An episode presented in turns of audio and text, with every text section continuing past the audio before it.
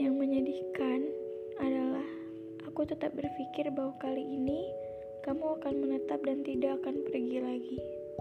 Namun, namun ternyata yang lebih menyedihkan adalah kamu selalu membuktikan bahwa aku itu salah. Dan pada akhirnya, jatuh cinta sama kamu itu adalah patah hati yang paling disengaja. thank you